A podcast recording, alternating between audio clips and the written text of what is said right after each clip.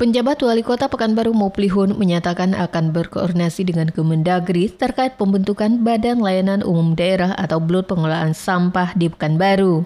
Hal ini guna mengantisipasi timbulnya masalah setelah BLUT nanti dibentuk. Kepada wartawan, Muplihun menjelaskan banyak tahapan yang mesti dilalui pemerintah Kota Pekanbaru untuk membentuk BLUT Pengelolaan Sampah. Selain mempersiapkan administrasi dan juga teknis kewenangan dan tugas dari Blot pengelolaan sampah itu sendiri, Muflihun juga menginginkan nantinya sebelum Blot pengelolaan sampah ditetapkan, dilakukan diskusi publik dengan masyarakat dan sejumlah pihak.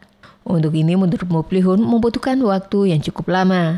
Karena alasan itu juga untuk tahun 2023 mendatang, pengelolaan sampah masih dikerjasamakan dengan pihak ketiga. Terkait blot pengelolaan sampah, Muplihun memperkirakan baru akan tuntas pada Januari mendatang.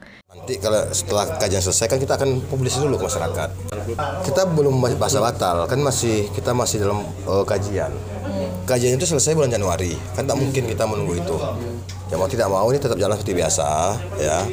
Nanti kalau setelah kajian selesai kan kita akan publis dulu ke masyarakat. Kita undang akademisinya kita undang tokoh masyarakat dan sebagainya kita publis dulu. Terus regulasinya juga harus kita pertanyakan di Kementerian Dalam Negeri. Kita nggak mau juga nanti ketika belum rupanya di masalah nggak mau juga. Ya artinya sekarang kita masih gunakan pola uh, pihak ketiga. Namun pada itu uh, mungkin isi kontrak diubah ya disempurnakan Desi Suryani, Tim Liputan Barabas, melaporkan.